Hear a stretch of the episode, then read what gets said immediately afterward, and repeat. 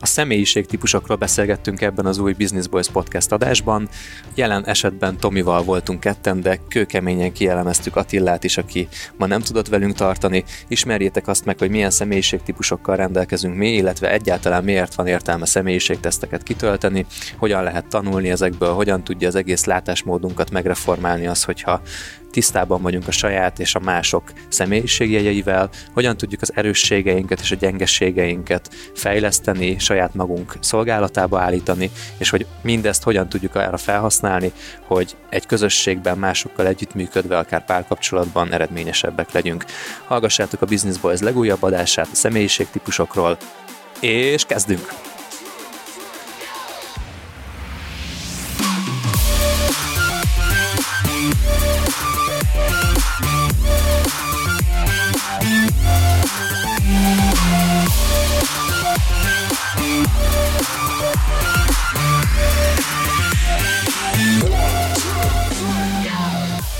Nagy szeretettel köszöntök mindenkit egy újabb Business Boys adással. Itt ül velem a stúdióban, az online stúdióban Adi és Attit ma mellőznünk kell, pontosabban ő mellőz minket.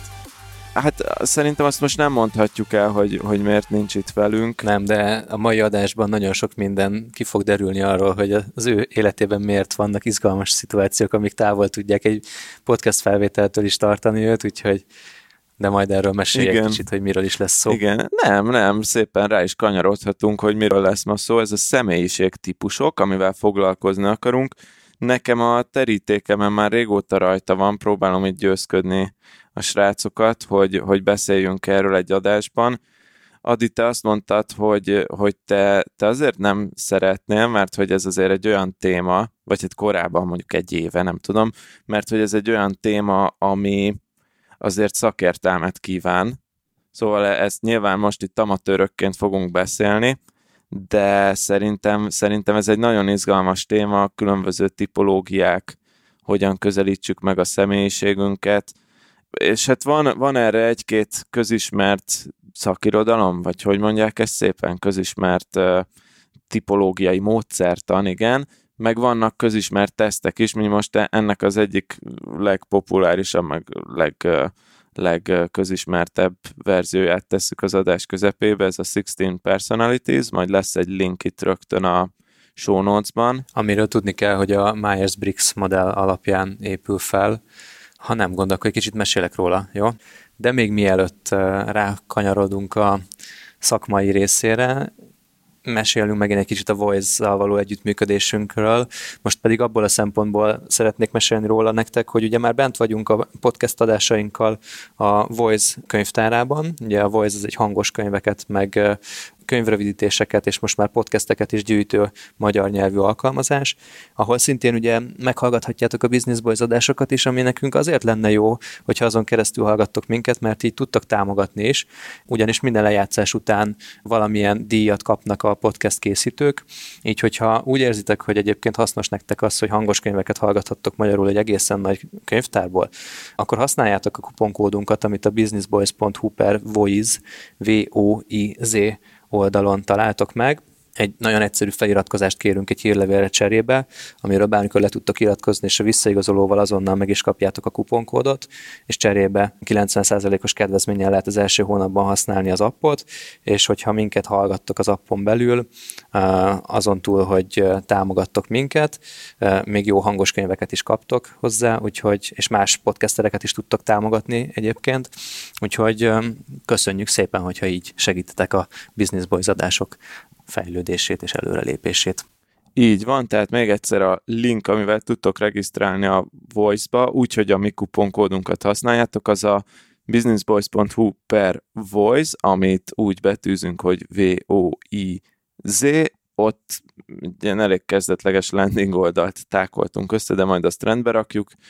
és ott bekülditek az e-mail címeteket, és cserébe az e-mail cím, címetekre elküldjük a kuponkódot, és a, azt itt mondom, hogy ez nem hírlevél feliratkozás vagy ilyesmi, csak technikailag így tudtuk megoldani, hogy ne tegyük publikussá a kuponkódot, hanem ez be legyen rejtve egy fal mögé, úgyhogy beírjátok az e-mail címeteket, és ígérjük, hogy nem bombázunk titeket mindenféle levelekkel utána. csak a voice-os, voice kuponkód kapcsán. Jól van, viszont akkor térjünk is rá a mai témánkra, ez pedig a személyiségtípusoknak a kérdésköre lesz, és ehhez egy pici történeti áttekintést szeretnénk adni, meg a kicsit a fogalmakról beszéljünk. Ugye azon túl, hogy minket baromira érdekel a Tomival ez a, ez a témakör, meg, meg mind a ketten elég sokat dagonyázunk az önismeretben, vannak ugye erre ilyen fix módszertanok, és a Myers-Briggs típus elmélet is egy, egy ilyen dolog, és ez a 16personalities.com-on egy nagyon egyszerűen kitölthető teszttel érhető el, ahol egyébként ilyen személyiség kis típusokat adnak az egyes kombinációkhoz, és akkor így, így látjuk azt, hogy milyen jegyeink vannak, és ez egy, ez egy megszemélyesített jegyel kerül illusztrálásra, amit majd mindjárt elmondunk, hogy a Tominak, nekem, meg az Attilának milyenek ezek. De ugye a Myers-Briggsről, vagy a 16 Personalities teszt kapcsán azért fontos elmondani, hogy honnan ered ez az egész teszt történet onnan indul, hogy, hogy Sigmund Freud bácsi, aki, aki azt mondta, hogy, hogy, hogy minden, embert a, a, minden ember viselkedését alapvetően a szexuális energiái határozzák meg, és ő innen, illetve hát elsődlegesen és leginkább kiemelten a szexuális energiák határozzák meg, és akkor ő innen, innen indult, és ez egy picit azért egy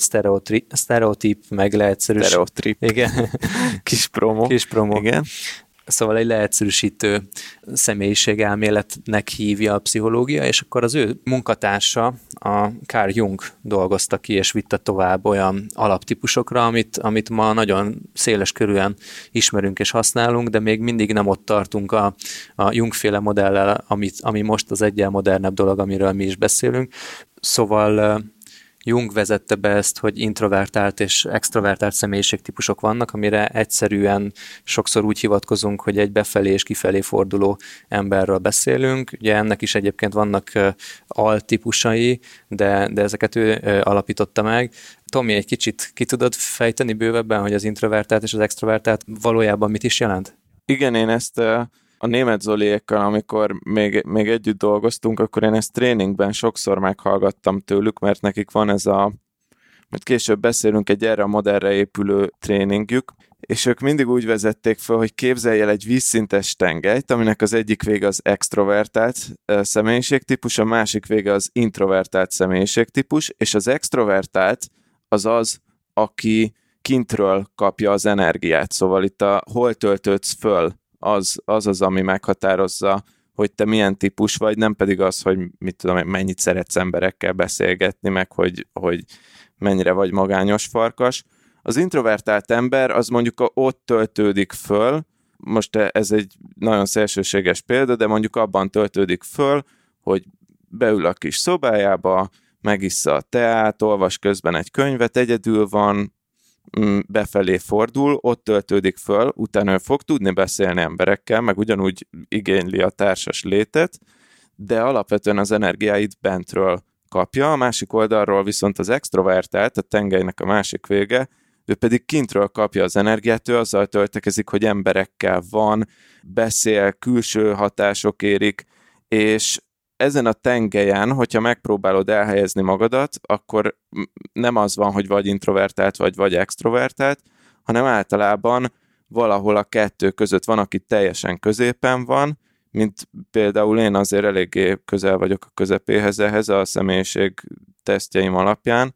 de hogy van, aki szélsőségesen az egyik végén van, szélsőségesen a másik végén, de a többség az így valahol így félúton, vagy, vagy nem félúton, hanem hogy valamelyik pólushoz kicsit közelebb elhelyezkedik, és azt szerint ő inkább extrovertált, vagy inkább introvertált típus, és akkor még egyszer, hogy az a lényeg, hogy itt miből szerzed az energiát, hogy töltődsz föl. Így, így, így szokták ezt klasszikusan meghatározni. És akkor ez az egyik, ilyen, ez, a, ez a vízszintes tengely ebben az egydimenziós rendszerben egyenlőre.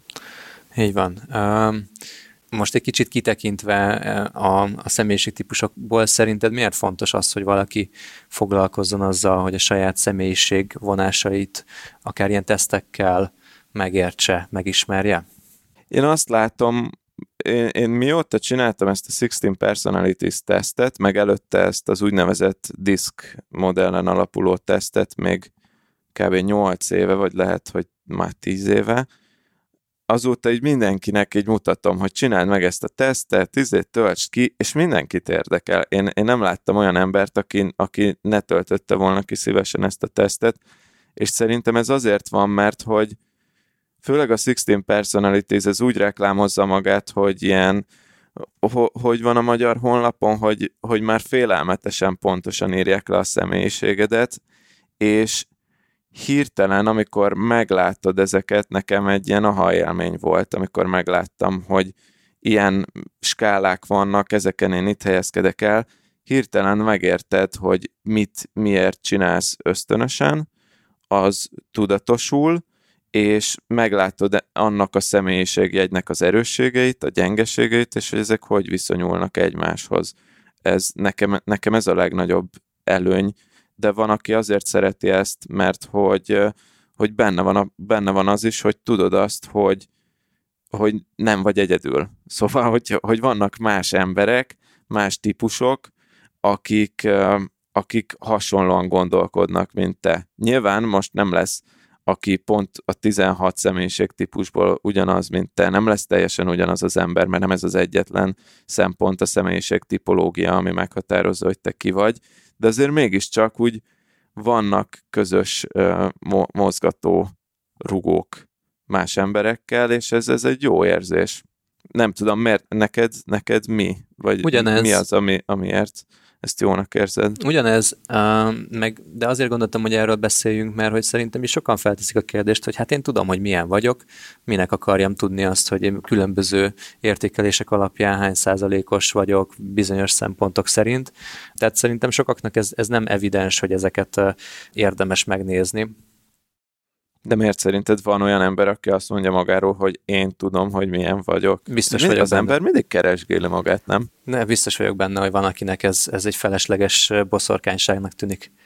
Aha. Ja, olyannak, mint a horoszkóp, mondjuk. Akár, igen, igen, igen. Aha, De ezt azzal, ezt azzal egészíteném ki, hogy, hogy amikor elolvasod azt, hogy, hogy te milyen vagy,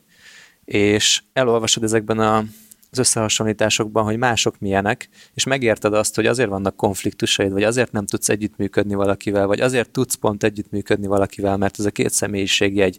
alapvetően hordoz olyan közös vonásokat, amik jól egészítik ki egymást, vagy pedig um, ellentétesek egymással, akkor, akkor megértheti az ember azt, hogy, hogy az miért van. És nem egyszerűen nem, nem arról van szó, hogy az egyik hülye, a másik meg mennyire jó, hanem arról van szó, hogy mások vagyunk, és az elvezet egy, egy következő szintre, amit én szerettem volna mindenképp behozni, hogy, hogy az, hogyha megnézzük a személyiségtípusokat, akkor szépen lassan rájövünk, hogy igazából mindenki teljesen egyedi és eltérő. És ez, ez meg segít abban, hogy az általánosítást elűzzük, vagy kicsit csökkentsük, mert ugye az ember ahhoz, hogy könnyebben tudjon navigálni az életben, ahhoz alapvetően mérőjövőn általánosít és sztereotipizálunk. Azért, hogy, hogy meg tudjuk érteni a világ működését, írják is itt a Wikipédia cikkben, hogyha mindenkiről azzal a feltételezéssel élnénk, hogy teljesen önálló és teljesen egyedi és teljesen más, akkor nem tudnánk a rendszereket megérteni, nem tudnánk előre haladni, mert egy káoszt éreznénk a világban. És valójában egyébként tényleg az van, hogy teljesen eltérőek vagyunk, de vannak olyan vonulatok az életünkben, a személyiségünkben, amik hasonlóvá vagy különbözővé tesznek minket. De az általánosítást csökkenti az, hogyha felfogjuk azt, hogy mindannyian eltérőek vagyunk bizonyos szempontok szerint, és hogyha nemek, rasszok, életkor, foglalkozás, lakhely, bőrszín, bármi szempontjából megpróbálunk általánosítani, akkor, akkor segítenek ezek a tesztek rájönni arra, hogy mennyire mennyire hamis irány azt gondolni, hogy, hogy, hogy egy bizonyos mondjuk raszba tartozó embertömeg az ugyanolyan emberek csoportosulását is jelenti. De hogyha ja, kicsit... Vagy egy nemzethez, nem? Hogy a, igen. a magyarok olyan negatívak hát, általában. Igen, igen. Vagy hogy a svédek olyan távolságtartóak egymással. Igen, és ezt mindenki egyébként csak a saját szemüvegén keresztül látja, és mi, egyébként nyilván van oka az, hogy a magyarokról kialakultak ezek a dolgok, vagy a svédekről ez kialakult, de hogy akkor sem lehet azt mondani, hogy ha három svéd faszit egymás mellé állítasz, akkor ők ugyanolyanak lennének. Igen. És, és hogyha, hogyha kicsit közelebb jövünk a mi általános témánkhoz, a vállalkozáshoz, vagy a vállalkozói léthez, akkor, akkor szerintem megint bekapcsol egy csomó sztereotípia, és például azt mondjuk, hogy egy vállalkozó egészen biztosan kockázatviselő, vagy extrovertált, vagy jól jön ki másokkal, vagy jó vezetői képességei vannak, holott egyáltalán nem biztos. Uh-huh. És szerintem abban, amit, amiről most, most fogunk beszélgetni, hármunk különböző személyiségjegyeiben, jegyeiről, ott, ott ez gyönyörűen megmutatkozik, hogy mind a hárman vállalkozók vagyunk, de teljesen eltérő személyiségtípusaink vannak, amit ugye szoktak így a Business Boys-nak a, az egyik előnyének is emlegetni, hogy mi eltérőek vagyunk, de hogy valójában vállalkozók vagyunk, és sok szempont alapján nekünk hasonlóknak kéne lenni, meg ugyanolyanoknak kéne lenni, hogyha sztereotípiákat alkothatunk a vállalkozókról de valójában azok a sztereotípiák, amiket erről összefelállítunk a fejünkben, azok nem feltétlenül igazak, és mind eltérőek vagyunk. És most én előre, előre vetítek egy találós kérdést, hogy ebben a 16 Personalities-ben van 16 személyiség típus, amiknek vannak elnevezéseik, az építész, a tudós, a parancsnok, a vitázó, így tovább, így tovább, és van egy személyiség típus, amit úgy neveznek, hogy a vállalkozó, uh-huh. és most akkor a kedves hallgatónak, ezt erről majd lerántjuk a leplet fél óra múlva kb., de hogy a kedves hallgatónak akkor így feltesszük a találós kérdést, hogy szerinted hármunk közül melyikünknek a személyiségtípusa a vállalkozónak elnevezett személyiségtípus,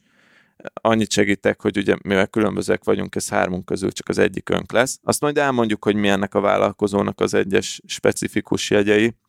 meg azt is elmondjuk, hogy ki lesz. De most viszont szerintem haladjunk tovább, és akkor nézzük meg, hogy milyen szempontok vannak. Ugye az egyik az volt az introvertált-extrovertált tengely, és a, az egyszerűsített kétdimenziós modellekben a másik nagy tengely, amit szoktak említeni, a másik szempontrendszer, ezt úgy lehet elképzelni, aki most hallgatja az adást, hogyha a vízszintes tengely volt az extrovertált, introvertált, akkor a függőleges tengely az a, az egyik végén, a tetején van a tudatos,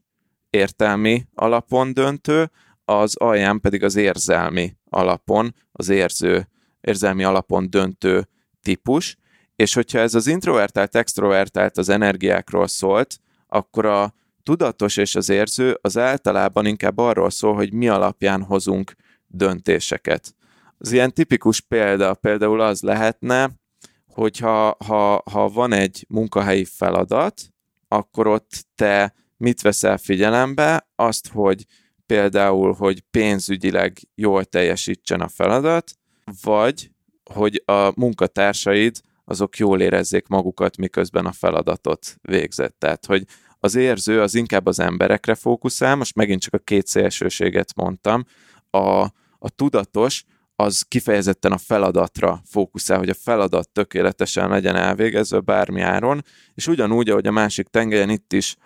általában az ember az nem az egyik végén vagy a másik végén van, hanem valahol egy átmenetként van, aki közelebb van a tudatoshoz, van, aki közelebb van az érzőhöz. Igen. Azt valószínűleg elmondhatjuk, hogy bár nem láttam e, még olyan nagyon sok tesztet, de elmondhatjuk, hogy valószínűleg a teljesen a, az ilyen e, ellentétpárak egyik pólusán százszázalékosan nem helyezkedik el senki, vagy nem jellemző az, hogy valaki százszázalékosan az egyik vagy másik kategóriába esik. Tehát mindig vannak átmenetek. És ugye vannak azért kicsit azért fenntartásokkal kell olykor kezelni ezeket a személyiségteszteket, mert bár bizonyos jellemzőket nagyon szépen megmutat, de nem foglalkozik olyan dolgokkal, hogy ki milyen környezetben van, adott élethelyzetekben azért más, hogy is viselkedhetünk, és ez a 16 Personalities vagy Myers-Briggs modell, ez alapvetően a, az információ feldolgozásról és a döntéshozatallal kapcsolatos viselkedésről ad segítséget. Tehát, hogy hogy viselkedünk olyan helyzetekben, amikor döntést kell hozni, és hogy ezzel kapcsol, és a, ehhez hogy kapcsolódik a, az információ feldolgozásának a módja. Igen. Illetve az nagyon fontos elmondani, hogy itt, itt nincs nyertes személyiség, szóval itt nincs az, hogy ez a személyiség jobb, mint a másik, ezt is mindig elmondják, hanem van 16 személyiség, mindegyik, van amelyik ebben jó, van amelyik másban jó, de mindegyik ugyanannyira értékes személyiségtípus. Jó, viszont akkor erre hozzáteszem, hogy én meg belefutottam egy olyan kutatásba, még korábban, amit most gyorsan elő is húztam, hogy hogyan befolyásolja a személyiségtípusunk, és kifejezetten ez a 16 féle személyiségtípus, azt, hogy mennyi a keresetünk. Mert hogy van erre kutatás, van, van erre kutatás, igen. Az durva. És ez azt mutatja, hogy én keresek a legjobban. nem, nem, nem, nem, nem, én keresek, de hasonlóan uh, magasan keresek, és te is, azt hiszem, de majd ezeket Igen? megnézzük. Van, van, lehet erre, hogyha valakit ez érdekel, majd megpróbáljuk nem elfelejteni berakni a show notes-ba, de azt kell beírni, hogy uh, mondjuk uh, 16 personalities salary, mint fizetés és akkor szépen ki fognak jönni ezek a számok, és akkor egyébként megnézték ezeket, hogy az IQ-val kapcsolatban vannak-e összefüggések,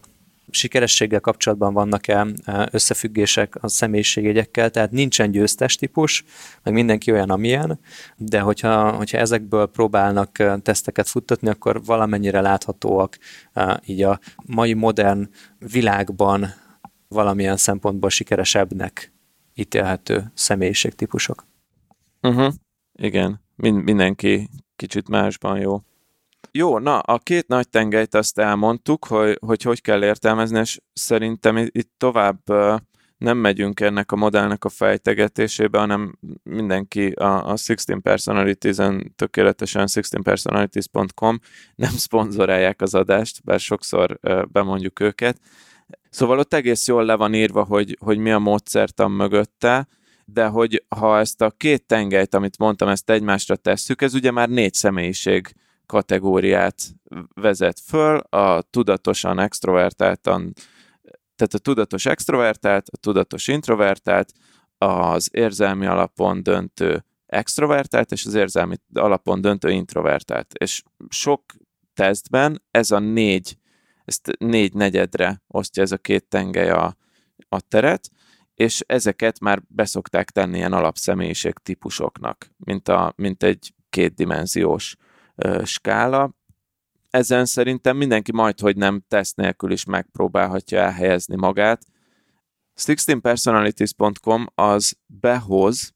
még két dimenziót, az egyik dimenzió, az ő, ők úgy nevezik, hogy ezt is úgy nevezik, hogy energia, szóval ilyen szempontból kicsit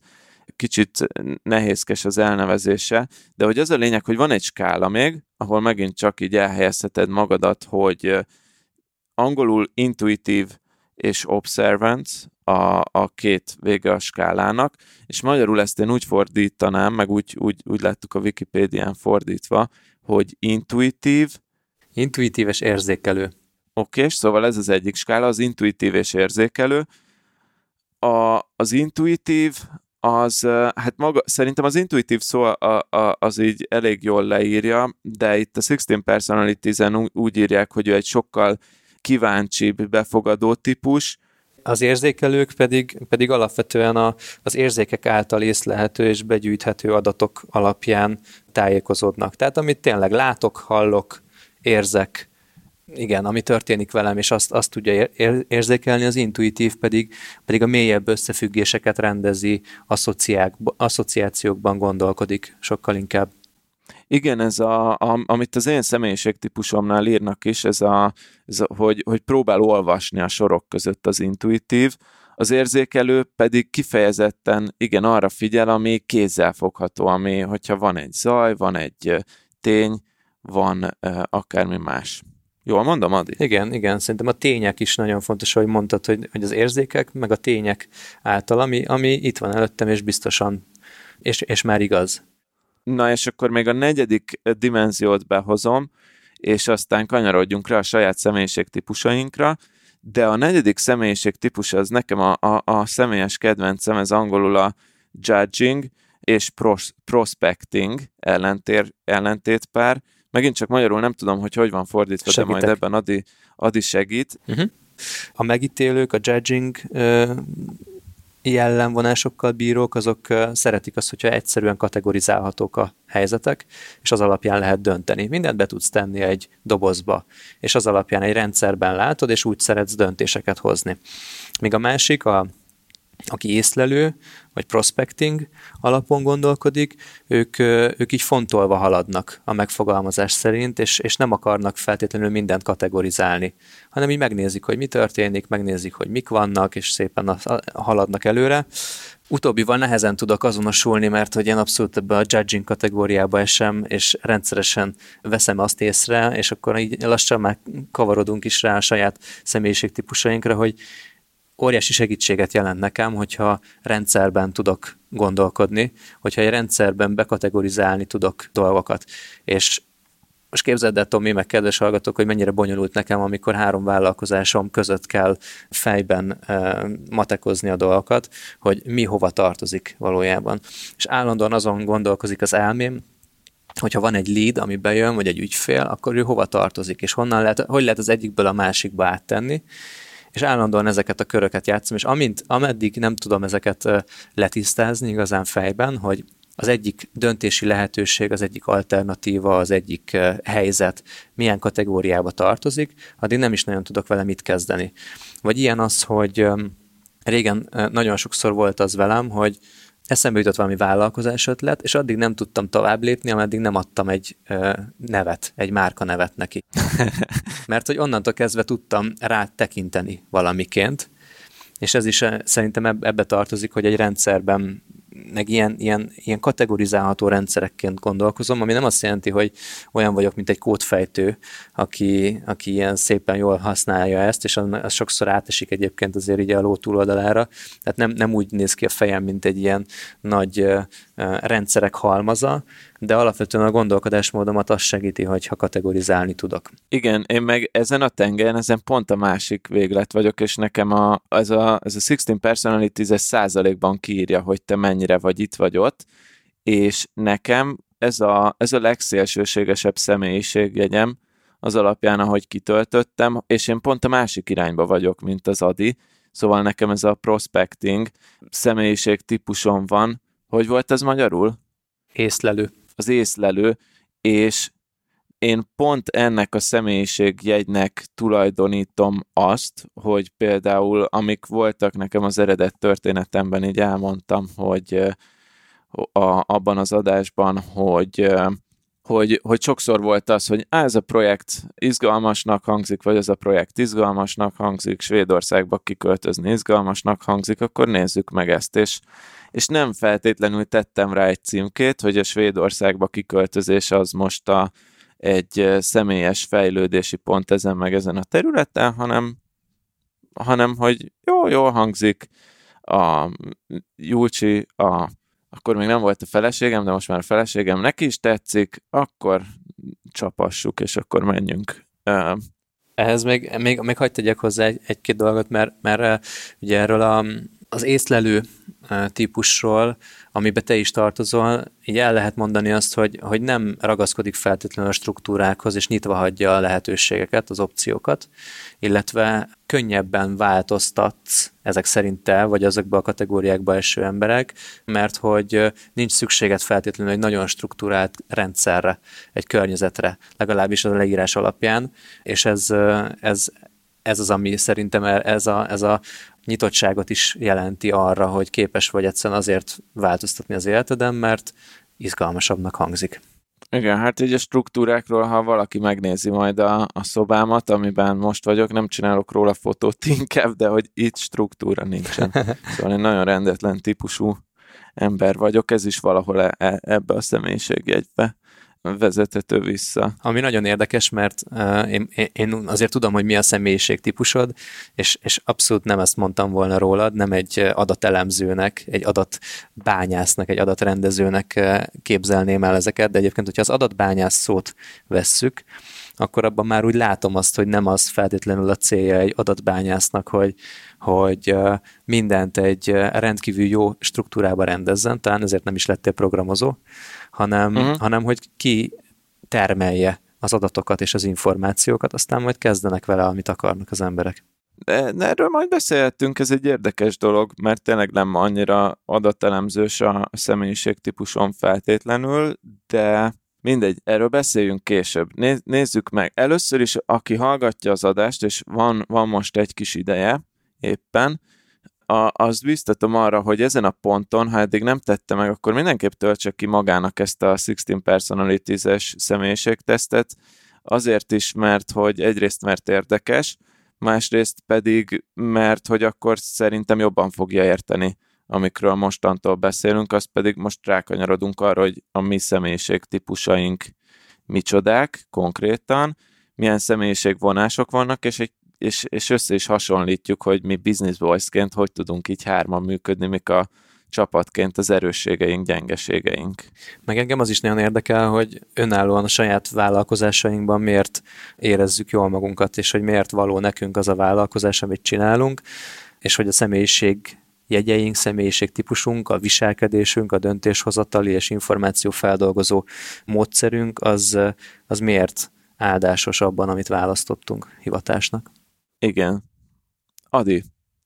te akkor melyik személyiségtípus vagy? Mondd el nekünk a 16-ból. Felfedem akkor önmagamat, képzeljétek el, én az analyst kategóriába tartozom, és commander vagyok, azaz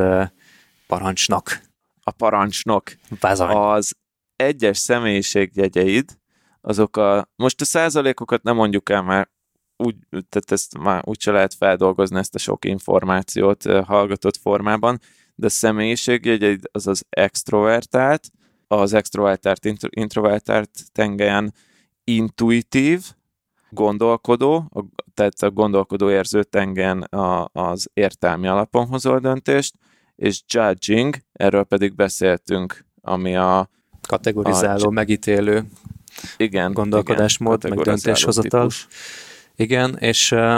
nekem egyébként jellemzően minden ilyen 60-70 százalék fölötti eltolódásban van,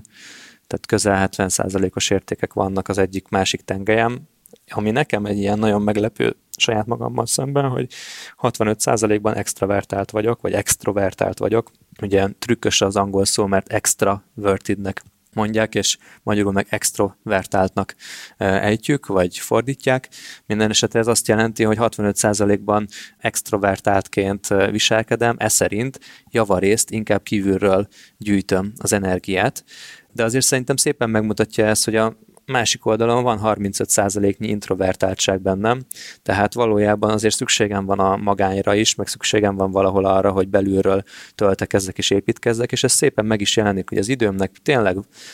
hogyha le kéne rajzolnom egy napomat, akkor 65%-ban emberek között vagyok, és ettől jól is érzem magam. És úgy jönnek a naptáramban egymás után a megbeszélések, mint hogyha, nem tudom, erre nehéz lesz most valamit mondanom, de sok megbeszélés van. és, és ez nekem nem, nem olyan dolog, ami leszív. Sőt, igazából töltenek is ezek, nem véletlen szerintem. Itt már rögtön lehet látni azt, hogy a coachingot választottam többek között hivatásomnak, vagy az, hogy a, a podcasteléssel foglalkozom, és a podcast iparák környékén mozgok, mert ott is beszélni kell, és másokkal kell lenni, és egymásból kell táplálkozni de hogy egyébként nekem ez meglepő volt valamiért, mert ugye már szerintem sok bizniszbojzadásban én elmondtam magamról, hogy alapvetően inkább introvertáltnak tartom magam, és ezt úgy fordítottam le, hogy amikor egy közösségben vagyok, én vagyok az, aki biztos, hogy utoljára fog kezdeményezni egy beszélgetést olyan értelemben, hogy én nem megyek oda ismeretlen arcokhoz, hogy hello, Sándor Fiadrián vagyok, ez meg ezt csinálom, te ki vagy. Pedig annyira egyszerűnek tűnik, és annyira irigylem azokat az embereket, akik így tudnak viselkedni, de nekem ez, ez, ez, ez a dolog az, ami eszméletlenül távol áll tőlem. Lehet, hogyha 65% fölött lenne az extrovertáltságom, akkor, akkor ezzel könnyebben küzdenék meg. Igen, de ez pont az, amit a, a köznapi, értelembre, köznapi értelemben vett introvertált, extrovertált, és itt a személyiség típusos Jungféle modellben vett extrovertált, introvertált között a különbség, hogy neked abban, amit csinálsz, ahogy szervezed az életedet, szerintem érződik az, hogy folyamatosan ö, szükséged van visszajelzésekre, szükséged van arra, hogy emberekkel beszélj, emberekkel dolgoz, és ez mind-mind ilyen extrovertált személyiségjegy, úgyhogy engem egyáltalán nem lepett meg, hogy te extrovertált vagy, az egy másik dolog, hogy, hogy neked van egy olyan személyiségjegyed, vagy egy olyan vonásod, hogy szeret, például a meditáció, hogy szeretsz befelé fordulni, szeretsz foglalkozni önmagaddal, de lehet, hogy az például egy másik másik milyen személyiségjegyedből fakad, vagy lehet, hogy egyszerűen csak azokból fakad, ami nem is személyiségjegyed, hanem, hanem csak valami múltbeli dolog, vagy ahogy az életed alakult, az, az bejött, mint egy szokás az életedbe. Igen, jó, hogy mondtad ezt a visszajelzések dolgot, mert nekem ez borzasztóan fontos, és lehet, hogy majd egyszer csinálunk egy, egy adást a szeretett nyelvekről is, bár ja, ja, az is, az is érdekes téma. Az, egy jó téma, nekem nagyon, nagyon kedves az Öt Szeretett Nyelv című könyv egyébként, amit Gary Chapman írt, és erre ezért, azért komoly kutatások alapozódnak, hogy milyen módon tudjuk kifejezni azt, hogy szeretünk valakit, és milyen módon értelmezzük azt, hogy szeret minket valaki. És erre van ötféle szeretetnyelv, van akinek mind az öt jellemző az életében, van akinek talán egyik sem. Rám sokszor azt érzem, vagy magamra sokszor azt érzem, hogy mind az öt jellemző, de az egyik legis, leginkább jellemző rám az az elismerő szavaknak a, a szükséglete. És ez egyébként egy, egy sokszor egy gyengeségnek is érzem, hogy ahhoz, hogy eredményesnek és sikeresnek érezzem magam, nagyon sokszor szükségem van arra, hogy ezt mások kívülről erősítsék meg. Nyilván ez most már nem azt jelenti, hogy a saját személyiségemet másoktól teszem függővé, vagy a saját sikerességemet és eredményességemet másoktól teszem függővé, de, de nagyon fontos nekem az, hogy mások is értsék és lássák azt, hogy, hogy milyen eredményeim vannak. Uh-huh. Szóval ez, ez, ez hasonló lehet, és hogyha, hogyha nézzünk egy iskola példát a, az extrovertáltságra, akkor ez az kell, hogy legyen, mert hogy ha, ha arról beszélünk, hogy az extrovertált az kívülről szerzi az energiáit, akkor ez egy nagyon jellem, jellemző dolog erre. Kívülről szedem azt a visszajelzést, ami, ami feltölt, és muníciót ad a folytatáshoz sokszor. Most nézzük ilyen híres személyiségeket, akik, akik kommanderek, mint az Adi, keresem, hogy ki az, aki legjobban hasonlít rád, és közismert ember. A, a leghíresebb commander, aki itt a lista elején szerepel, ez a Steve Jobs, illetve a Gordon Ramsay, azért az, a, az Adi nem olyan, mint a Gordon Ramsay, meg nem is olyan, mint a Steve Jobs, a, azt, el, azt el kell mondani, de azért van, vannak benned ilyen Steve Jobs-os uh, személyiségjegyek, ahogy együtt dolgozunk a Business Boys-ban. De mondjad, mik szóval, ezek? Hát például ugye elég, elég, elég sokszor hozod a, az ötleteket, és, és elég maximalista is vagy. Mo, most e, ezt így konkrét példát nem fogok tudni mondani, ugye az ötleteket azt, azt, azt mindenki tudja rólad, egy ideig Chief Idea Officernek is hívtunk téged a csapatban. A, a maximalizmust meg, meg azon érzem, hogy ezt, ne, ezt, nehe, ezt nehezebb megfogalmazni, ezt, ne, ezt nehezebb úgy megfogalmazni, de valahogy így ezt, ne, ezt most nem is fogom megfogalmazni. Köszönöm ezt a, ezt, a kép, ezt a képzeletedre bízom a hallgatók képzeletére. De konkrétan olyan embert a, itt ezen a listán, amit itt látok a honlapon, amilyen egy az egyben te vagy, és nagyon hasonló és közismert, olyat nem látok, talán esetleg a Doctor Strange-t az Avengers-ből. Hát, vagy a Whoopi Goldberg. vagy a Whoopi Goldberget, igen, a, főleg az Apáca showból. De itt vannak komoly arcok, Malcolm X, Franklin Roosevelt, Jim Carrey, Margaret Thatcher, igen. Steve Jobs mondja azt ennek a parancsnak, személyiségtípusnak a leírásánál, hogy az időd véges, ne vesztegesd azzal, hogy valaki más életét éled, ne váljon az életed dogmává, ne fogadd el mások gondolatait sajátodként, ne hagyd, hogy a többi ember véleményének zaja elnyomja saját belső hangodat. És ez így nagyon tetszik most, mert, mert abszolút a, a, a belső hangnak a, a figyelése, és annak megértése, és az szerint való cselekedet tűnik most számomra az egyik legjobb útnak, és azt gondolom, hogy azért egyre inkább hallom a belső hangomat is. Azért örülök, hogy Steve Jobs bácsival azonos uh, értékeket vallunk sok szempontból, és sok más szempontból még nem szeretnék olyan lenni, mint ő, például halott sem.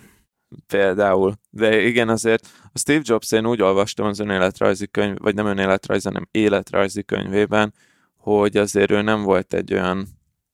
nagyon kedvelhető figura sok ember számára, főleg akiknek ténylegesen a főnöke volt, úgyhogy, úgyhogy ezért ne legyél olyan, mint Steve Jobs, de legyél egy jó commander. Jól van. Menjünk tovább. Jön a következő kategória az, hogy, hogy a, a, a mentális energiát hogyan irányítjuk. Ez az intuitív versus observant ellentétpár, vagy intuitív versus érzékelő ellentétpár, és itt, itt e, ez a legmagasabb értékem egyébként, ez 70% intuitív, ez azt jelenti, hogy, hogy azok az emberek, akik ebbe a kategóriába esnek, ők nagyon nyitott elmélyűek, kíváncsiak, és nagyon erős a képzeletük, és szeretik az újdonságot, és a, még a stabilitás fölött is az újdonságot preferálják, és egyébként azt is írja, hogy a fókusz sem oly fontos, mint az újdonság élmény, amit úgy meg tudok érteni. Igen, igen, hát ez, ez megvan. Ez szépen leírja, hogy abszolút nem a, a fókusznak a felkent lovagja vagyok, ellenben nagyon könnyen ugrottam bele új vállalkozásokba és új ötletekbe, de egyébként, hogyha most megcsinálnám újra ezt a tesztet, mert ez jó pár hónapos lehet, hogy már, már hosszabb ideje készült ez a teszt rólam, akkor most ez megváltozna, és egyébként most direkt nem csináltam meg, majd az adás után újból megcsinálom, hogy, hogy változik-e bármi idővel, Mindenesetre az intuitív személyiségek egyébként a, a jövőbeni lehetőségekre nagyon szeretnek figyelni, és ezekre fókuszálnak, és, és ez teljesen igaz, teljesen igaz számomra, úgyhogy ez a legerősebb ilyen mentális energia val kapcsolatos viselkedés elem nálam. Igen, a következő kategória, ez az, az ér, érzelmi vagy értelmi alapon döntő. Ez nálam egy talán meglepetés volt, hogy, hogy neked ez T betű lett, szóval értelmi alapon döntesz, de valahol pedig logikus is. Mert, és pont ez az, hogy, hogy itt is van egy olyan csapda benne, hogy az ember azt hinné, hogy mivel te mondjuk téged érdekelnek jobban a spirituális dolgok, meg az önfejlesztés, meg a meditáció, akkor te biztos egy ilyen, ez a sztereotíp, ilyen meditálós guru vagy, aki, aki, aki mi, mindig így a, az emberek arcát simogatja, meg, meg, meg ilyesmi, közben pedig simán lehet, hogy valaki azért meditál, mert tudatosan akar befelé fókuszálni, befelé figyelni magára, tudatosan akarja megérteni magát, tudatosan foglalkozik az érzelmeivel, és szerintem nálad ez is, ahogy így én megismertelek az évek során, ez is, ez is, ez is valami ilyesmi alapra vezethető vissza. Igen, és ezt nagyon sokat látom az életemben, hogy a, a döntéshozatalnál sokkal inkább a, a, a gondolkodást részesítem előnybe, de itt azért egy 57% küzd a 43%-kal szemben, tehát ez egy újabb uh-huh. példája annak, hogy,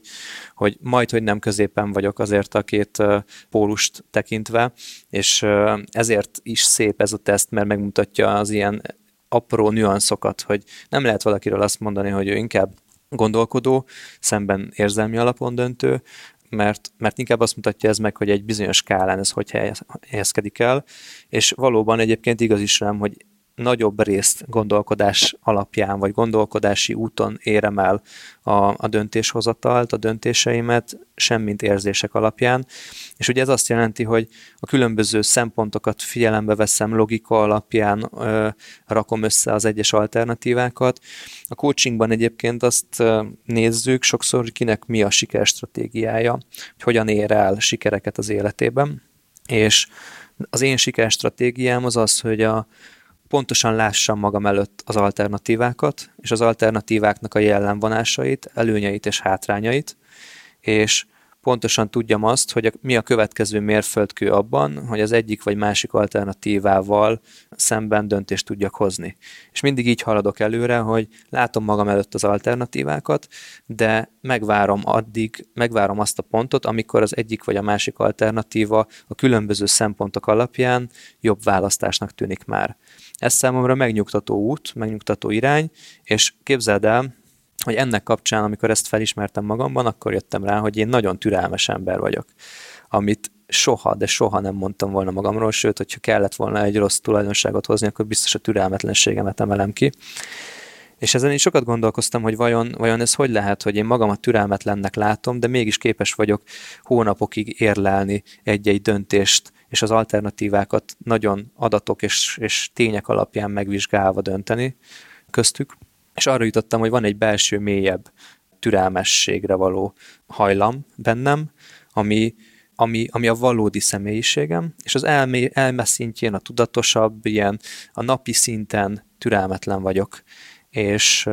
azonnal szeretném a változásokat, azonnal szeretném a megoldásokat, de végeredményben mégsem így viselkedem. És ez egy ilyen ellentmondás a, a bennem, hogy, hogy mélyről, mélyről jövően más a, a tényleges döntéskezelési módszer, tudom, mint amit egyébként én saját magamról hiszek, vagy szeretnék magamnak és valójában mégis ez az én sikerstratégiám. Mindenkinek más ez, és lehet, hogy valakinek ez pont nem a sikerhez vezető út lenne, de nekem ez volt az, ami eddig mindig, lást például alkalmazottból vállalkozóvá válás. Ez volt az, ami, ami engem sínre tett, hogyha én alapvetően, vagy bárki alapvetően inkább az érzelmektől vezérelt, akkor szerintem gyorsabban hoz döntéseket is, mint én. Szóval nem mindegy, az a lényeg, hogy nagyjából azért igaz rám ez, és hogy, hogy biztos, hogy igaz rám, és, és nagyon, nagyon izgalmas ezt így látni saját magamról, és nagyon izgalmas volt felülírni azt a képet magamról, hogy valójában én egy türelmes ember vagyok. Uh-huh. Igen. Amúgy így visszatekintve nem mondanálak türelmetlennek én sem, csak ilyen erősen vágyakozó ember vagy, hogy van a fejedben valami, és ezt nagyon szeretnéd, és ez türelmetlenségnek hathat, de végső soron tényleg, hát mire eljutottál oda, hogy, hogy, hogy vállalkozó lettél, a, ott adtál magadnak időt, hogy minden úgy kiforjon, ahogy te azt eltervezted. Ez a, a tervezés maga is, ez kicsit a, ez a, a gondolkodó, értelmi alapon döntő személyiségtípus, illetve amit meg már beszéltünk, a, a, a negyedik tengely, a megítélő és az észlelő közötti különbség. Szóval ez a judging és prospecting kategóriában mm, vagy te a judging oldalon, de erről meg már beszéltünk. Igen, de szerintem így érdemes akkor még így a vállalkozói oldalra egy kicsit ránézni, hogy amikor én meghoztam ezt a döntést, hogy kilépek a vállalkozói életembe, akkor ugyanezt csináltam végig, hogy párhuzamosan megtartottam sok alternatívát, tartottam őket addig, ameddig kitisztultak, és elengedtem, amikor, amikor el kellett engedni, lásd Meditable, és fogtam erősen azt, amit fogni kellett, lásd ügynökség uh-huh, és uh-huh, coaching, uh-huh. és olyan szinten sokáig türelmesen vártam, és analizáltam, és építettem párhuzamosan a dolgokat, ameddig az egyébként számomra vágyottabb dolog, a vállalkozói lét, az nem jelentett semmilyen fajta visszalépést anyagilag, vagy biztonság szempontjából az életemben, ezért képes voltam két éven keresztül, több mint két éven keresztül tartani párhuzamosan ezeket a, ezeket a vasakat a tűzben, és amikor, és akkor itt ugorhatunk arra, hogy milyen taktikát választok a tervezésben és a, a, a, a döntéshozatalban, akkor valóban ez a judging, azaz megítélő jellemvonásom az, ami túlnyomó többségben bekapcsol, 68%-ban egyébként a, az ilyen észlelő személyiség típusommal szemben, vagy, vagy viselkedésemmel szemben, és ez arról szól, hogy egész egyszerűen ez egy dönt, dönteni képes ember képét mutatja, aki alaposan megrágja és átgondolja ezeket a dolgokat, és addig megy, ameddig tisztán, kiszámíthatóan látszanak az alternatívák, és bele tudom helyezni egy rendszerbe az egészet, és nem egy spontán valami. Tehát ugye ez egyébként egy olyan embert is mutat, aki nem fog soha elutazni úgy mondjuk külföldre, hogy nincsen előre lefoglalva a szállás, vagy nincsen előre kitalálva, hogy melyik, melyik, melyik városban mennyi időt fogunk tölteni. E, ezzel szemben pedig nagyon sokan például úgy utaznak, hogy csak az első napra foglalnak szállást, aztán majd meglátják, hogy mi lesz a következő, mert pont ezt a fajta spontaneitást, kiszámíthatatlanságot élvezik, vagy ennek valamilyen szintjét élvezik. Nekem meg, nekem meg jobb az, hogyha, hogyha le vannak tisztázva azok a dolgok, hogy mik az alapok, mi az, amiből lehet építkezni, és utána arra, hogyha a stabilitás megvan, akkor már bejöhet az intuitív énem, aki meghozza az új ötleteket, és elképzeli azt, hogy mi minden újat lehetne csinálni, de nagyon fontos az, hogy ez egy stabil alapon álljon. Igen, itt most beszél, az a baj, rövid az adásidő arra, hogy erről, erről végig beszéljünk mindent, de itt, itt, itt azért bőven lehetne beszélni ennek a személyiségtípusnak az erősségeiről és a gyengeségeiről, mert például ezen a vonalon is, ami eszembe jut ebben a példában, hogy ez például ez lehet egy gyengeség is, szóval ez, ez egy erősség, hogy, hogy te előre tervezel, meg hogy egy utazás az úgy néz ki, hogy már azért az le vannak foglalva a szállások, de lehet egy gyengeség is, amikor olyan helyzetbe kerülsz, hogy mondjuk az egyik szállásodat visszamondják, például azt, amikor így megérkeztél, és, és az első napi szállás, és te arra számítottál, hogy ott van, és akkor ott hirtelen ott spontánnak kell lenni, és az nyilván megoldod, meg nyilván megoldja az ember, minden ember megoldja az ilyen helyzeteket, de van, aki ebből megint csak ebből itt tud töltekezni, hogy fú, ő, ezt spontán megoldja, és de jó ez a helyzet. Jó, nyilván nem azt mondja, hogy de jó ez a helyzet, de hogy így kicsit még élvezi is azt, hogy itt most meg kell oldani egy problémát, meg van, aki ezt óriási stresszként éri meg, és szélsőséges esetben akár le is blokkol, hogy, hogy fú, ez most, ez így nagyon, nagyon nincs rendben. Ez tök jó, amit mondasz, mert ez eszembe jutott egy saját történetet, amikor egyszer még, még egy régebbi munkahelyemen Németországba, Kölnbe kellett utazni, és este 11-kor érkeztem meg a szállásra, kiderült, hogy már nem él a foglalásom, és nincs is szab- saját szobájuk, úgyhogy ott álltam hullafáradtan este 11-kor Kölnben, ahol már itt semmi elvileg nem lenne nyitva, és elintéztem, hogy fél órán belül volt szállásom egy másik kölni hotelben, tehát én ettől nem estem kétségbe, tudtam rá reagálni, de, de szarérzés volt abszolút. És akkor ugye beszélgettünk arról, hogy ennek, ennek a személyiségjegynek, ahogy minden másnak vannak negatívumai is, és azért nagyon jó ez a teszt, amit nyilván nem tudom most belemenni mindenbe, mert mind a párkapcsolatok, kapcsolatok, személyes kapcsolatok szemszögéből, mind a munkához való hozzáállás, stb. szemszögéből megmutatja azt, hogy milyenek vagyunk, és mik az erősségeink és gyengeségeink. És ugye ez a parancsnok, ahogy ebben benne van, ez egy nagyon céltudatos elő haladó vezető személyiség, és akkor a negatívumoknál ott írja, hogy ez az ember viszont hajlamos elfelejteni azt, hogy milyen fontos az, hogy olyan csapatokkal, olyan csapattal van körülvéve, akik lehetővé teszik számára azt, hogy, hogy haladjon, hiszen lehetek bármennyire célorientált és eredményes, nem tudom a munkát egyedül elvégezni és, és erre rádöbbenni, meg ezt, ezt erősíteni, ez nagyon fontos nekem, hogy borzasztó hálás lehetek azokért az emberekért, akik körülvesznek engem, és segítenek abban, hogy az én ötleteimet a, a, a valóságban meg tudjam élni és megvalósítani, és ilyen például a Business Boys is, hogy, hogy nyilván nélkületek ez az egész nem tudna működni, hiába akarnám én ezt egyedül csinálni, ezért fontos értékelni az ilyen típusú embernek, hogy, hogy, hogy, hogy, hogy egyedül nem sokra megy de hát ezért is építünk csapatot, és ezért nekem jó a csapatépítés. Viszont amit nálad olvastam, Tomi, neked kicsit gondjaid vannak a csapatépítéssel, meg a vezetéssel. Ezt írja az én személyiség típusom? Ezt, ezt írja tiéd, úgyhogy szerintem ugorjunk is át a jó. Mester Tominak a személyiségére, a kampányfőnökre. Az enyém a kampányfőnöknek nevezett uh, személyiségtípus, ő a diplomatákon belül van. Ez a betűkódja az ENFP, szóval az első két jegye az ugyanaz, mint az Adinak. Az E és az N extrovertált és intuitív, és nekem az extrovertált az érdekes, hogy hogy én kétszer is kitöltöttem ezt a tesztet, még valamikor régen, ilyen 2012-13 környéken, meg, meg egy pár éve, ilyen 2018-ban talán, és nekem, a, ahogy telnek az évek, és ezt érzem is, hogy, hogy ez egyre inkább középre mozdul. Szóval itt, a, amikor utoljára kitöltöttem, itt majdnem teljesen középen volt az extrovertált és az introvertált között ez a, ezen a skálán az, az értékem, és ezt én, én tökre érzem is magamon, hogy, hogy például én, én szeretek ö, egyedül is időt tölteni, szeretek úgy, úgy magamba befelé fordulni, viszont szeretek emberekkel is lenni, ami szerintem pont ez a data science oktatás nekem azért is egy jó, jól illeszkedő biznisz, mert ugye a data science az alapból így azt mondaná az ember, hogy ez egy introvertáltabb dolog, amikor leülsz, kódolsz, adatot elemzel, viszont van egy extrovertált része is, amikor ezt oktatom másoknak, és ott mindkét oldalát kielhetem ennek a skálának. Az az érdekesebben, hogy küldtél egy screenshotot még 2012-ből, amikor még 65%-on extrovertált, extrovertált voltál, és ugye azt mondod, hogy ez most berendeződött középre, nagyjából 50-50-re, és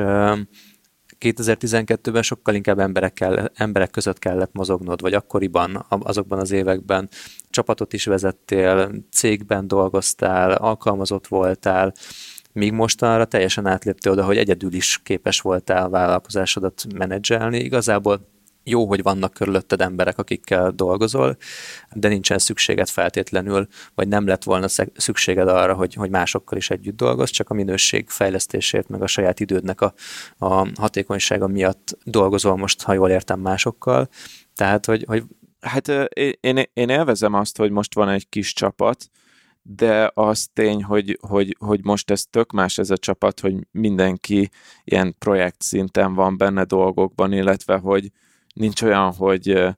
pont emiatt, mivel kvázi mindenki alvállalkozó, meg ilyen egyszer-egyszer együtt dolgozunk, ezért nincs olyan, hogy például valakivel én közös irodába bejárok, vagy, vagy valakivel, nem tudom, akár csak rendszeresen találkozom, hanem, hanem ez egy teljesen remote dolog, persze Slack-en, e-mailben, telefonon, Skype-on szoktunk beszélni, de, de ez így pont jó balansz nekem, igen, ahogy igen. mondod. De azt mondom, hogy e- a környezeted nem kényszerít arra rá, hogy extrovertáltként viselkedjél, és emiatt megjelenik a valódi személyiséged. És a viselkedés elemzésekben ez, ez nagyon sokszor előjön, a diszkben is előjön, ami egy másik modell, és majd erről is fogunk beszélgetni, ott viszont tényleg meghívunk szakértőt. A diszknél van szintén egy olyan, olyan kutatás vagy mérés, ahol kijön az, hogy, hogy mi a valódi személyiséged egy bizonyos helyzetben, és egyébként ezzel szemben hogy viselkedsz. És ez egy nagyon izgalmas dolog, hogy hogyha a, a viselkedés és a valódi én között nagy az eltérés, az bels, belső feszültséget okoz, frusztrációt okoz, nem éled meg azt, amilyen valójában vagy. És hogyha megteremted magadnak azokat a körülményeket, ahol ahol a, a tényleges valódi személyiséged szerint tudsz működni, akkor boldogabb és kiegyensúlyozottabb leszel. Igen, én ezt a diszket csináltam, és nekem a, amilyen durván kijött, akkor nekem ezt úgy magyarázták el, hogy van a, a, az ilyen komfortos személyiségtípusom, meg van ez az úgynevezett védekező személyiségtípusom, amikor komfortzónán kívülre kerülök, akkor máshogy viselkedem, mint ahogy, ahogy komfortosan viselkedem, és nekem a, a komfortos személyiségtípusom az introvertált, de amikor olyan szituációba kerülök, ami kevésbé komfortos nekem, akkor hirtelen extrovertáltabb leszek. Nekem az a védekező személyiségtípusom, hogy, hogy, hogy, hogy, egy, hogy, hogy ezt az extrovertált jegyeket mutatom kifelé. De összességében amit én látok, és tényleg ezt érzem, hogy, hogy bennem mindkettő megvan, kb. balanszolva is, de, de más élethelyzetekben. Ez a, az intuitív, ez, ez nekem hasonló, mint neked volt, Adi, és, és talán ebbe így, így nagyon mélyen nem is, nem is mennék bele. Emiatt, a, amit én érdekesnek tartok magamnál, a, inkább a következő kategória, ez a, az érzelmi vagy értelmi alapon döntő és nálam, nálam megint csak az van, mint nálad volt, hogy talán sokan azt gondolhatnák, hogy én nagyon ilyen értelmi alapon döntő vagyok, ami például ugye olyanokban megmutatkozhatna, hogy, hogy egy csomó projektre nemet mondok, nagyon ö, próbálok fókuszálni, szóval nagyon erősen megvan a fókuszom, vagy maga a, az adatelemző munka is egy ilyen értelmi dolognak tűnik, de pont úgy, ahogy nálad, nálam pont a, az ellentétes rész dominál, és én sokszor érzelmi alapon döntök, amivel tök jól összeférnek ezek az egyéb dolgok is. De mondjuk a fókuszt az pont azért ezt ellensúlyozni, hogy érzelmi alapon döntök, de ellensúlyoznom kell ezt az érzelmi alapú döntést azzal, hogy egyszerűen kizárom azokat a projekteket, amikről tudom, hogy nem férnek bele az életembe, mert különben nem maradnak nem marad idő olyan dolgokra, ami meg pont ebben az érzelmi énemben fontos, például a, a családra. Én eddig nyilván ott pont azt gondoltam, hogy az ellenkezője lesz igaz rád, és hogy értelmi alapon döntesz, meg, meg gondolkodás útján döntesz, elsősorban, vagy gondolatokat figyelembe véve döntesz, de most, ahogy így erről beszélsz, eszembe jut az, amikor, amikor így a, a Business Boys bármilyen jövőjéről beszélgettünk, akár monetizálásról beszélgettünk, és mindig arról volt szó, hogy, ez, hogy téged mennyire tölt fel egy tevékenység, hogy milyen érzelmi töltetet kapsz tőle, és ezt akkor most értem igazán, hogy ez milyen is lehet. És ez a kettőnk közti különbségnek az egyik szerintem ilyen fő mozgatórugója, hogy nekem ez nem ilyen fontos, hogy nem keresem feltétlenül ezt a feltöltő részét, hanem logikusan látom azt, hogy, hogy mi lenne a következő jó lépés, és abban nem biztos, hogy, hogy az nem biztos, hogy engem fel fog tölteni. De nincs is annyira szükségem arra, hogy feltöltsön. Igen, a kampányfőnöknek ez az én személyiségtípusomnak ez az erőssége és gyengesége egyúttal, hogy ami nem érdekel, abban én nagyon nehezen tudok beletenni energiát. Ami érdekel, azt, azt nagyon tudom csinálni, meg arra rá tudok pörögni, de ami nem érdekel, az egyszerűen, az, az nem érdekel, és akkor nem csinálom, és akkor az úgy, úgy a szőnyeg alá megy. Ez napi taskok szintjén is, is megjelenik nálam, hogy az a feladat, amit én nem szeretek kifejezetten csinálni, meg nem érdekes nekem, az, az hatványozottan több energiát viszel, mint ami érdekes,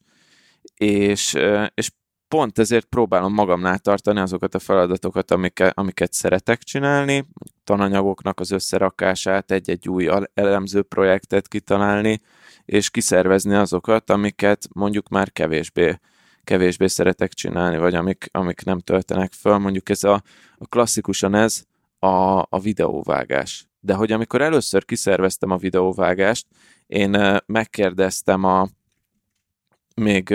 még nem a Gabitól egyébként, hanem a, a, az első embertől, hogy akivel előtte dolgoztam, hogy, hogy ő, ő mit szeret a videóvágásban, mert kíváncsi voltam, és már nem emlékszem, hogy milyen választ adott,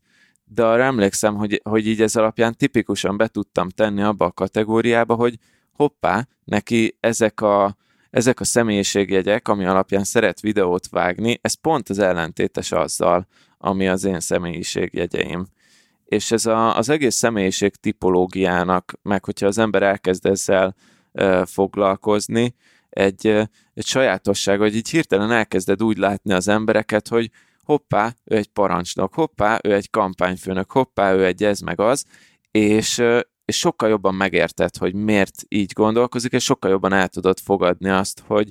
ja, hát akkor neki ez egy jó dolog, ezt ő szereti csinálni, és sokkal jobban megérted azt is, hogy aha, nekem meg ez egy nem jó dolog, én ezt nem szeretem csinálni. És itt a Business Boys-hoz visszakanyarodnék, hogy, hogy nálunk is azért már elkezdtek kialakulni itt hármunknál ilyen természetes módon, hogy, hogy ki miben jó, meg hogy mi, miket vállal be, meg melyik feladatokat csinálja, és mi az, amiben egyikünk sem jó. Uh, nagyon jó, amit mondtál arról, hogy, hogy miért érdemes ezeket látni, és, és ez csak megerősíti azt, amit a beszélgetés elején mondtunk, hogy, hogy nem azt látod, hogy az egyik lusta,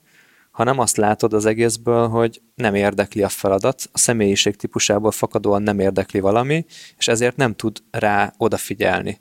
És akkor aki ezt nem érti, vagy nem, nem, nem ismeri ezeket a dolgokat, az arra gondol, hogy, hogy ő egy lusta ember lehet, vagy nehéz vele, vagy rossz, nehezen lehet kijönni valakivel, és akkor itt most nem rólad beszélek, hanem, hanem, hanem mondjuk valakivel, akivel ez még hasonlóan erős így, holott egész egyszerűen ez, ez tudatos szervezéssel azt jelentheti, hogy mindenki kapja meg azokat a feladatokat, ami számára e, kellően érdekes, és kellően uh, kielégítő, és hogyha ügyesek vagyunk egy kis csapatban, vagy bármilyen munkahelyi szituációban, üzleti helyzetben, vagy egy párkapcsolatban, ezek a feladatok szétoszthatók lennének, az szerint, hogy kihez passzolnak inkább hogyha ezekkel tudatosít, hogyha ezt tudatosítjuk magunkban, és beszélünk róla. De még egyszer visszakanyarodok a szeretett nyelvekhez, ott például nekem volt olyan, olyan helyzet, hogy, hogy nem kaptam meg azt a visszajelzést, azokat a visszajelzéseket, elismeréseket, amik, amik szükségesek lettek volna nekem, és akkor itt erről beszélgettünk, hogy ez miért fontos számomra, viszont megkaptam a, a főnöknek valamilyen más úton, módon a, a figyelmét és a szeretetét, neki például az volt a szeretet nyelve, hogy hozott sütit nekünk. Mert hogy ő ajándékot ad, és ő így tudja kifejezni ezt. És onnantól kezdve, amikor ezt megértettem, akkor meg leesett az is, hogy haha, én most kaptam egy, egy pozitív visszaigazolást arra, hogy jó az, amit csinálok. Na ugyanez az, igaz ezekre a személyiségtesztekre, meg ugyanez igaz mindenre, amiről eddig beszélgetünk, hogy ha ezt így megérted, akkor ezek a konfliktus helyzetek, meg el, kielégületlenségek, elégedetlenségek, ezek így egyszer csak feloldódnak. Igen, igen, ez egy nagyon fontos része, szem, szerintem is, és én mióta ezzel foglalkozok, sokkal jobban így el tudom fogadni az embereket, a, akár ismeretlen embereket is a, az utcán, akikkel így kialakul egy konfliktus helyzet. Te mennyit, mennyit, mennyit veszel össze az úgy, utcán hogy emberekkel? Nagyon nehéz elképzelni. Mondjuk a tréning résztvevőknél ott azért egy nagyobb csoportnál mindenféle személyiség típus van, és van az a típus, tantermi képzéseknél például, aki mondjuk ilyen az apróságokat is meglátja, mindenbe beleköt, mit tudom én, van egy helyesírási hiba a szlájdon, és ő felteszi, nem is teszi fel a kezét, hanem csak így megjegyzi, hogy azt ott elírtad a dián. És, és ugye erre lehet úgy reagálni, hogy na jó, hát ez az ember a kákán is csomót keres, meg hogy izé rohadjon meg, hogy beéget itt mindenki előtt, de nem, mert hogy neki ez a személyiség típusának a része, ő alapvetően a legtöbbször ezen, ezek az emberek jót akarnak, azzal, hogy jelzik neked, hogy ott egy helyesírási hiba, majd legközelebb figyelj erre. És, és ugye ráadásul, akik ilyen nagyon aprólékos típusok, hogy ezt észreveszik, ez a személyiségjegyük, nekik általában úgy van, hogy ahogy kifejezik, az is más típusú, mert más típusú személyiség, mint te, máshogy fejezik ki magukat, mint a, ami neked komfortos, és, és csak ennyi, hogy mondjuk egy 6-7 éve eze, ezek engem így mindig így megráztak, hogy hát ezt nem hiszem el, hogy itt izé cikiznek, meg izé. Mostanra meg már kifejezetten örülök, meg elfogadom ezt, hogyha ha valaki így emiatt szól, mert tudom, hogy jó szándék van benne, egyrészt, másrészt meg tudom, hogy azért így szólt, meg azért izé, mert ő, ő más, más típusú ember, más típusú személyiség. Meg gyakran azt is be tudom ala, az, ala, azonosítani, hogy melyik típusú, legalábbis a, a Jungféle modellben, hogy például ez, amit én mondtam, ez a, az introvertált értelmi alapon döntő típusú ember. Erre csak egy példát hagy hozzak, hogyha majd kitölti a kedves hallgató a saját tesztjét, akkor azért egy hosszabb felmérést vagy leírást is lehet kapni arról, hogy milyen személyiségek vagyunk, és az enyémben például ott van ez, hogy, hogy sokszor érzéketlenül tud valamilyen hibát megegyezni, ami, ami nekem így jellemző volt, de nagyon sokat dolgoztam rajta, mert felismertem ezt, még bőven a teszt előtt felismertem ezt, hogy, hogy e, erre hajlamos vagyok, és én nagyon nevettem magamban, amikor mondtad ezt a helyesírási hibás dolgot, mert hogy én ugyan sose voltam az, aki másokat beéget ezzel társaságban, de, de face-to-face biztosan szólok, érted, hogyha egy dián ott van egy helyesírási hiba, és egyébként, hogyha bármilyen szituációban emberek előtt ki van vetítve egy dia, amin van helyesírási hiba, én onnantól kezdve nem tudok másra figyelni, és belül szorongok, szó szerint szorongok, hogy egyrészt az érdekel, hogy ez így hogy kerülhetett oda, másrészt meg, eh, hogy vajon más is látja-e, hogy ez így van, és hogy ez másnak is fontos-e, hogy az ne legyen ott az a hiba, és akkor én ebben így el tudok, el tudok szépen így játszadozni a fejemben, aztán kis szerencsével megyünk tovább a következő diára, de ott nálam akkor el, elvágjak, elvágnak mindent. nem tudom, engem meg ezek teljesen nem érdekelnek, de, de erről meg eszembe jut az, hogy nekem meg pont, és szerintem ez az én személyiségtípusomnak a, az egyik az, hogy ugye a nem értelmi alapon döntök, nem a feladatot veszem figyelembe, hanem az embert. Én így visszajelzéseket például nehezen adok, és és talán akikkel most dolgozom együtt, ők ér, érti,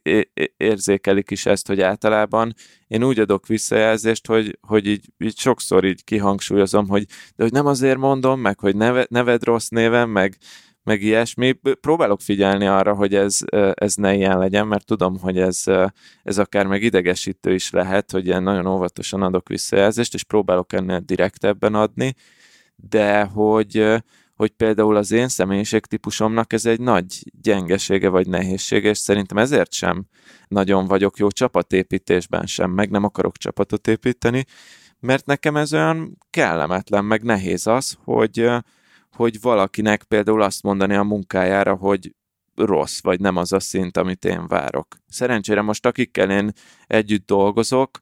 az jelen pillanatban mindenki olyan, hogy hogy, hogy erre nincs is szükség, de mit tudom én, így korábban volt olyan, hogy, hogy valakivel így együtt dolgoztam, és mondjuk nem csinálta meg időre a munkát, ami elég egyértelmű, és akkor adtam neki egy új határidőt, meg egy új határidőt, és akkor ilyen két hét után már az utolsó pillanatban még én éreztem magamat kellemetlenül, hogy azt mondtam neki, hogy hát bocs, de most ez így most nem, és hogy elnézést meg, de akkor Szóval igen, azért ennek a személyiségtípusnak is vannak gyengeségei, de... Azt jelenti, hogy túl sok érzelmi energiát fogyaszt el tőled az, hogyha másnak negatívumot kell mondani, nem? Igen, igen, meg hogy, hogy, hogy, hogy sokkal inkább arra fókuszálok, hogy nehogy megbántsam a másik embert, meg hogy, mert hogy én utána meg rosszul érzem magamat amiatt, hogy valakit megbántottam. És ez, ez azért, tehát egy Steve Jobs az, az kirúgta a csapatot, és leszarta, hogy mi van az emberekkel, meg hogy nekik nem lesz fizetésük, és még ő volt mérges. Nekem meg ez, ez bennem nincs, hanem hogy én, én így nehezen kezelem ezt a, ezt a dolgot. Oké, okay. menjünk tovább. Na, de kicsit, igen, me, még, még beszéljünk az Attiról. Én, én magamnál még egy dolgot elmondok, mert ezt nagyon viccesnek találtam, amikor ezt elolvastam a, a személyiségjegyemnél, hogy, hogy a, a szülőség az, az, amikor aktuális lett, akkor a feleségemmel leültünk és elolvastuk, hogy, hogy mi tartozik a kampányfőnök személyiségjegyhez, és, és olyasmit ír, ami nekem, persze nagyon örültem, hogy ezt írta nekem, hogy, hogy, hogy így közösen fedezzük föl a világ, világot a gyerekkel, meg arra buzdítom a, ez a kampányfőnök személyiség típus, hogy, hogy a gyerek is fedezze föl, és hogy megmutatja a szépet a világban, és ezt én érzem is magamon, hogy, hogy hozzám ez így közel áll, meg ezt szeretem csinálni, meg, meg ilyen is vagyok. Viszont azt is leírja, hogy, hogy ennek viszont az a, az a, a hátránya, várjál, ezt mindjárt megkeresem, Ja, igen, igen, igen, hogy, tehát, hogy, hogy ennek viszont az a hátránya, egy nagy előnye, hogy ugye ez, ez a boldogsághoz, meg a gyereknek ahhoz, hogy ilyen sok mindent megkapjon, ez, ez hozzájárul, viszont a kampányfőnök az pont ugyanígy ez a, a szigorúság, meg a struktúráltság, meg a, a legyen altatásnak, etetésnek, nem tudom, napi rendje, meg ilyesmi. Ez úgy egy kicsit nehezebb a kampányfőnöknek ezt kialakítani, de azt írta a teszt, hogy de semmi gond, mert ezért szerencs, hogy két szülője van a gyereknek, mert ami a kampányfőnöknél hiányzik, az szerencsére a másik szülő a saját személyiség típusaiból behozhatja ezt a gyerek életébe, csak hogy az a gond, hogy a, a Júlcsi, a feleségem, ő is kampányfőnök személyiség típus. szegény gyerek. Úgyhogy,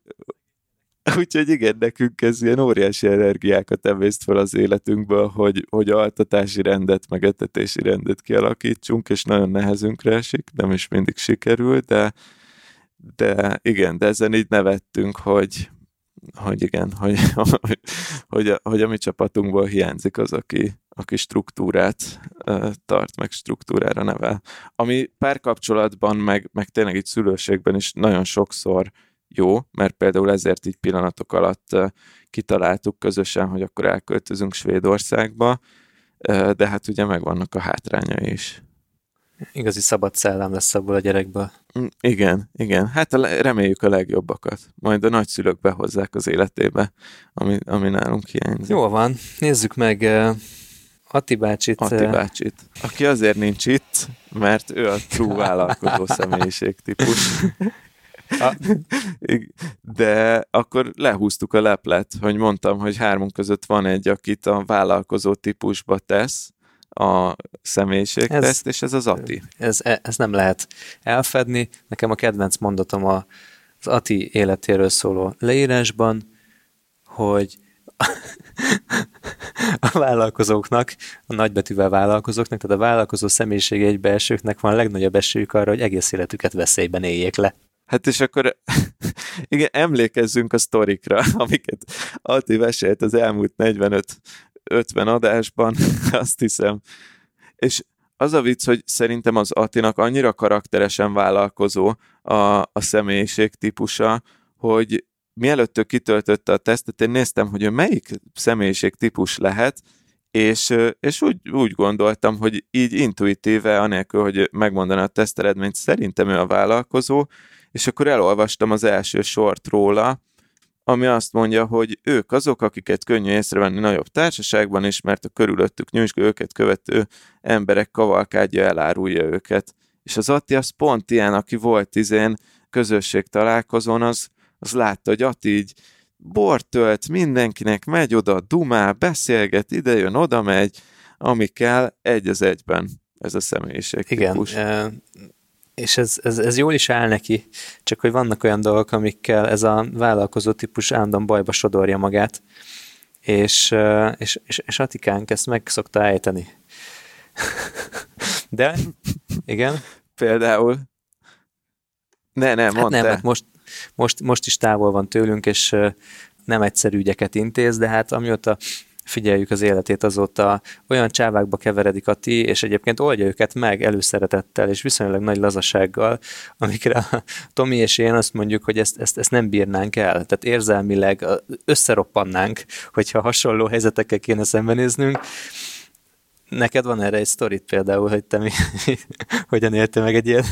Hát igen, igen, a, a, volt az Atinak ez az ominózus adása, a, már nem tudom, hogy hanyas volt, de ugye ahol mesélt arról, hogy, hogy a, a pubnak a, az átrendeződése és az akörüli összes kavalkád, ami volt, hogy alakult, meg hogy, hogy kikkel, miket beszéltek, most ahogy a válságról is beszélt, hogy ja, igen, nem nyithat ki a pub, hát ez, ez elég rossz, de azért is stabilnak érzem magamat benne, meg hogy ilyen milliós tételek, olyan milliós tételek, és amikor nekem az angol cégemtől, amit sose használtam, csak megcsináltam, hogy hát ha kelleni fog, így elfelejtettem egy nullás bevallást beküldeni, jött egy 100 fontos bírság, hogy, hogy hát nem küldtem be a nullás bevallásomat az alvó cégemre, akkor én abból olyan stresszbe kerültem, hogy, hogy ez, a, ez az ilyen vállalkozói stresszbe, hogy úristen, hát akkor itt, ha ezt most nem fizetem be, akkor még jobban megbüntetnek, de hogy egyáltalán lehet, hogy elkéstem-e vele, mert egy héttel később jött ki a levél, és hogy akkor mi lehet ennek a következmény, és, és fogtam magamat, és inkább bezártam azt a céget, mert hogy amúgy sem használtam, de hogy nekem nem kell ez a stressz.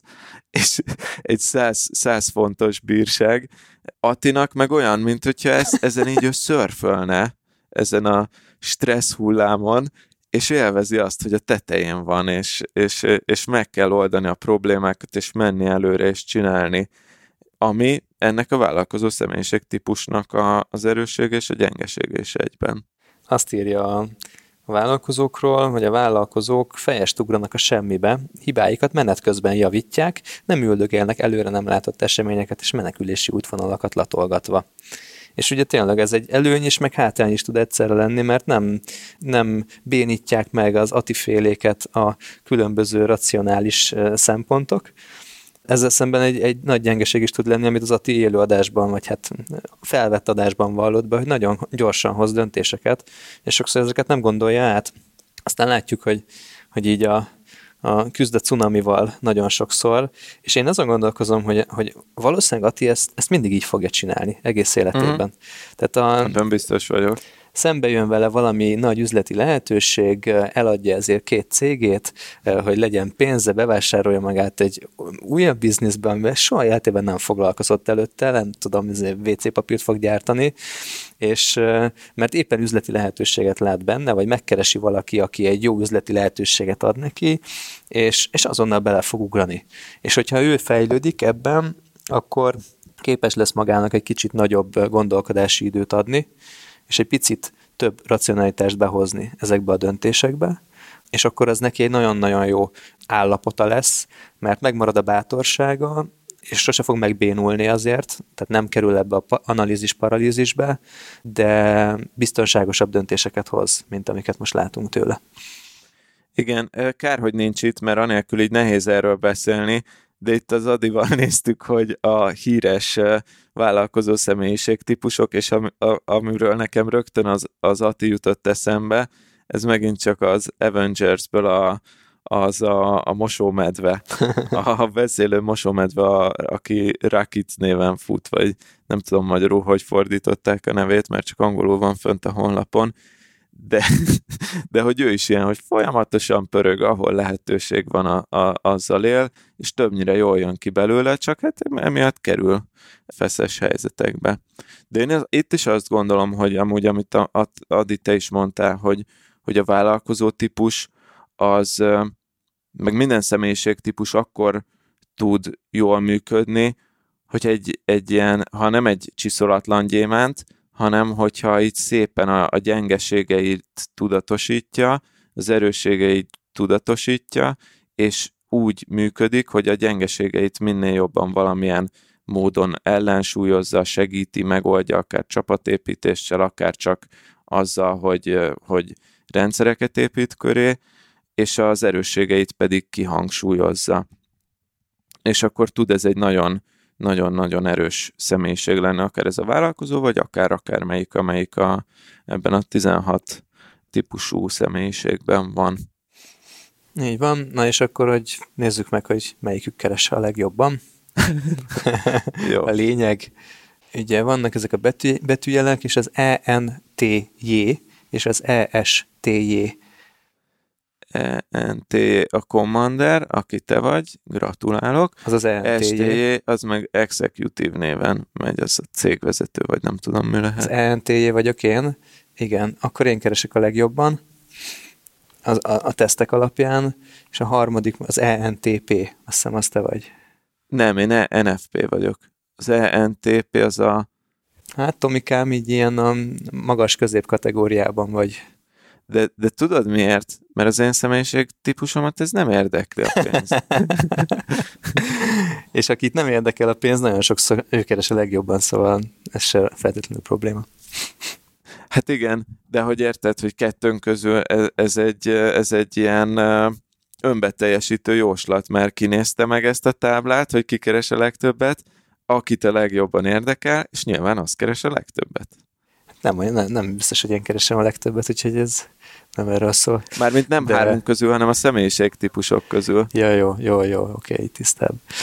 Oké, okay, oké. Okay. Na, um, jó volt egyébként nagyon az összefoglalód, és ez, ez szerintem csak megalapozza azt, hogy, hogy um, kell foglalkozni ezekkel a témákkal, szerintem is, és nem csak az ilyen személyiségjegyekkel, hanem a szeretett nyelvekkel, a, a diszket is be fogjuk hozni, különböző teszteket szerintem érdemes megcsinálni, és ez a, ez a legnagyobb tanulság benne, hogy hogy tisztán lássuk a saját erősségeinket, ez a coachingban is borzasztóan fontos egyébként, mert az erősségek alapján tudunk döntéseket hozni, az erősségek alapján tisztán látjuk azt, hogy, hogy mivel érdemes foglalkoznunk. És ki tudnak jönni különböző modellek alapján, akár a diszk is jó erre, hogy, hogy megmutat olyan hivatástípusokat, ami, ami azzal az erősségkészlettel érdemesebb csinálni. Mert, mert egy bizonyos fajta tevékenységben jobban tudnak érvényesülni azok az erősségek, és én abban mélységesen hiszek, hogy, hogy minden, mindannyian egy csomó erősséggel születtünk, teljesen eltérő kombinációban, nincs még egy olyan kombináció, amit te vagy én, vagy bármelyik Business Boys hallgató magáénak tudhat, és hogy ez alapvetően arra szolgál, hogy sikeresek és elégedettek legyünk az életben, azon szempontok alapján, amit mi sikernek és elégedettségnek nevezünk. Tehát mindenkinél szubjektív a boldogság, meg a sikerességnek a, a, a fogalma, viszont fel kell ismerni ezeket az erősségeket, és fel kell ismerni, hogy ezek az erősségek melyik szituációkban aktivizálhatók, és keresni hozzá olyan tevékenységi köröket, amiben ez a lehető legjobban ki tud jönni, és azt gondolom, hogy ha valaki hallgat ezekre a az erősségeire, hallgat a belső hangjára, meg megengedi azt, hogy olyan legyen, amilyen, tanul azokból a gyengeségeiből, amik, amik vannak, és megpróbálja a környezetét is hozzá idomítani azokhoz a, azokhoz a gyengeségekhez és erősségekhez, amikkel rendelkezik, akkor egy nagyon komfortos életet lehet élni és nagyon sikeres életet lehet élni. Mindenkinek, tök mindegy, hogy melyik, melyik típusba esnek, de a legtöbbet mindig is a kommanderek fogják keresni, hál' Istennek. Ámenke. Ámenke. Ámenke erre. Jó, na, szerintem ez egy izgi, izgi téma. Mondom, én tudnék róla beszélgetni órákat, és, és tényleg én szeretném azt, hogyha egy diszkes szakértőt egyszer elhívnánk egy adásba. Nyilván mi most itt lelkes amatőrök vagyunk, annak ellenére, hogy tényleg én azért sokat olvasgattam ebben a témában, azért nagyon mélyen nem merültem el a, a tényleges pszichológiai, meg tudományos hátterében de jó volt erről most beszélgetni, és jó volt látni azt, hogy az egyes személyiség típusaink külön-külön mit csinálnak. Hát erre nem maradt idő amúgy, hogy a, a, erről a Business Boys-os együttállásról bővebben beszéljünk, de majd akkor azt egy sör mellett felvétel nélkül átdumáljuk. Jól van, várom ezt a sörözést, hallgatóknak pedig kellemes napot és estét és reggelt és délutánt kívánunk a továbbiakban is. Hallgassátok a Business Boys podcastet, ha tehetitek, akkor a Voice alkalmazáson keresztül, ugyanis azzal támogattok minket is minden lejátszás után, és egyébként még jó hangos könyveket is hallgathattok. Gyertek az átcsoportunkba, ahol minket is megtaláltok meg, még 1800 másik vállalkozót vagy vállalkozással szemezgető, vagy vállalkozások irányított személyt, akikkel nagyon jó beszélgetések tudnak kezdeményeződni és hogyha tehetitek, akkor az iTunes-on, az Apple-nek a podcast lejátszójában értékeljetek minket öt csillaggal, és küldjetek egy kommentet, mert ez segít nekünk az élre kerülni a különböző podcast top listákon. Hát vigyázzatok nagyon magatokra, és figyeljétek azt, hogy milyen személyiségek vagytok, és fókuszáljatok az erősségeitekre. Ezt kívánjuk. Így legyen. Szevasztok! Sziasztok!